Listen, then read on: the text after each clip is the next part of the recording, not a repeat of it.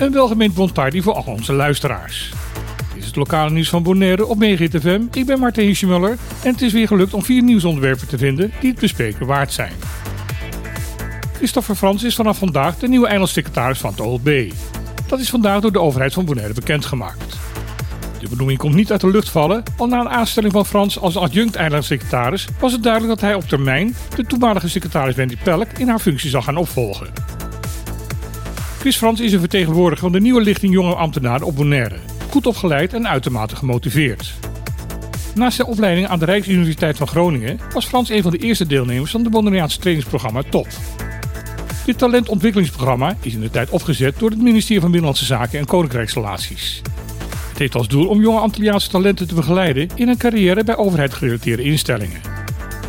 Dat het project ook daadwerkelijk succes heeft, wordt nu door de benoeming van Frans bevestigd. En dan hebben we Bachelor Beach. Een verhouding een klein stukje strand dat de gemoederen op Bonaire blijft bezighouden. In 2021 kondigde de openbaar liggend Bonaire aan dat de omgeving van het strand opgeknapt en gemoderniseerd zou gaan worden. Een storm van protest was daarop de reactie.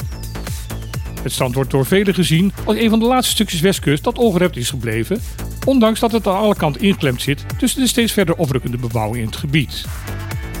Daarna leek het erop dat de plannen in een diepe laad terecht waren gekomen en daarmee vergeten. Niets bleek minder waar toen een paar weken geleden een projectbord bij het terrein vermeldde dat de facelift van Bachelor Beach op korte termijn zou gaan beginnen. Kennelijk geschrokken door de ongekende felle reacties uit de Bonaireaanse gemeenschap, werd het gevraagde projectbord alweer snel afgedekt en ging de aangekondigde persconferentie op het laatste moment niet door. In de aflevering Op de Klippen afgelopen zaterdag legde de verantwoordelijke gedeputeerde Hens Tielman uit dat het plaats van het bord een fout was geweest. Op de vraag hoe deze fout heeft kunnen ontstaan had hij geen duidelijk antwoord. Wel verzekerde hij dat de plannen voor het gebied zijn aangepast naar aanleiding van de geleverde feedback en dat de natuurlijke uitstraling behouden zal blijven. Dit wordt vandaag bevestigd door een persbericht van het OLB.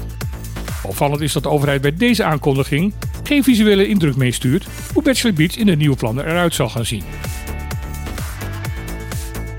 Dierrot Kids, Stinapa, NOS TV en de lokale dierenhulporganisaties hebben samen met de OLB een nieuw tv-programma voor kinderen ontwikkeld.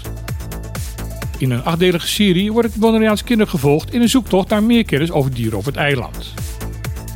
Tijdens de presentatie van de nieuwe serie aan de pers werd ook het dierenlot Kids Doeboek onthuld.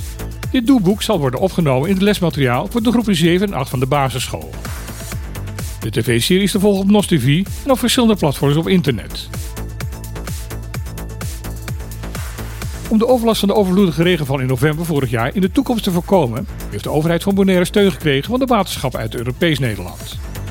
Op verzoek van gezaghebber Reina hebben begin dit jaar vertegenwoordigers van verschillende waterschappen in Nederland de situatie op Bonaire ter plekke bekeken.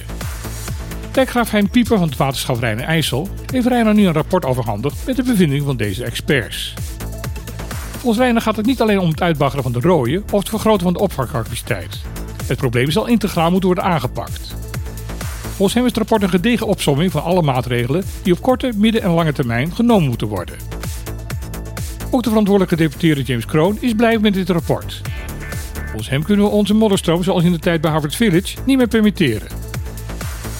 Hij zegt dat de oplossing wel gepaard gaat met veel investeringen. Hij wil in overleg gaan met Den Haag om daar een oplossing voor te vinden.